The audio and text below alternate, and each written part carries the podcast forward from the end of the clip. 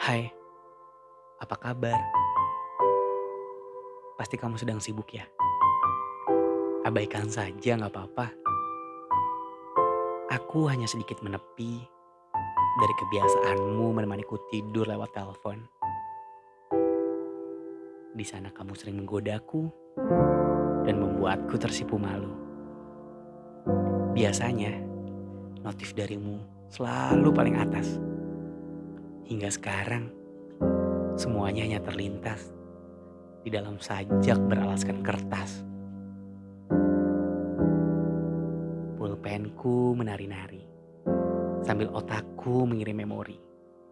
Kenangan yang terekam saat hari-hari bersamamu. Aku bahkan tidak bisa mengetik pesan I miss you. Karena kebahagiaan kecilmu kini telah dewasa. Iya, kebahagiaan itu adalah orang yang mengajarkan kedewasaan kepadamu. Tidak seperti aku yang masih terlalu sulit untuk bersanding denganmu. Maaf, aku terlalu naif untuk tidak mencintaimu. Tapi apalah dayaku yang terlahir untuk selalu patah hati. Terima kasih untuk semua perhatian dan ketulusan palsu yang aku dapati. Mungkin Tuhan sengaja mematahkan hatiku agar aku terhindar dari cinta yang salah. Terima kasih untuk awal pertemuan kita yang dimulai dari kata hai dan kini berakhir dengan goodbye.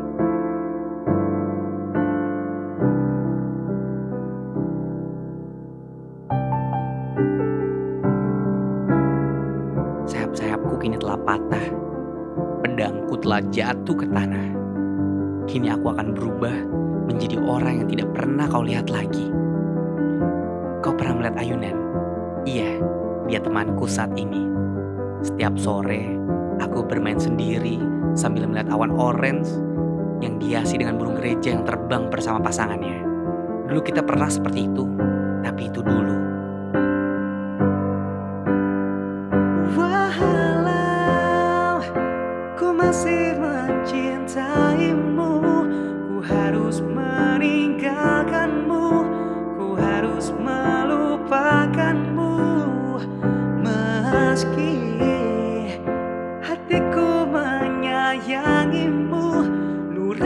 Membutuhkanmu Ku harus merelakanmu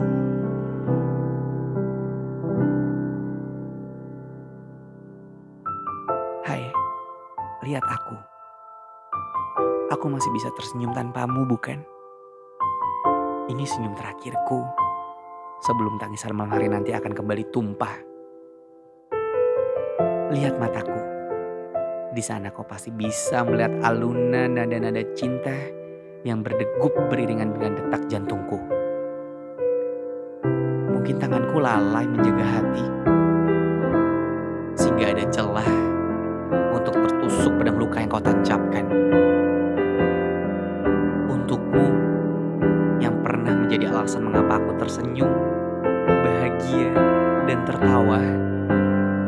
Terbanglah, ukir kisahmu bersama mentari dan awan putih. Biarkan aku bersama bintang malam yang terus menemaniku hingga aku tertidur pulas. Kau jangan takut. Rasa ini selalu kutitipkan dalam doa. Aku tidak pernah menaruh dendam.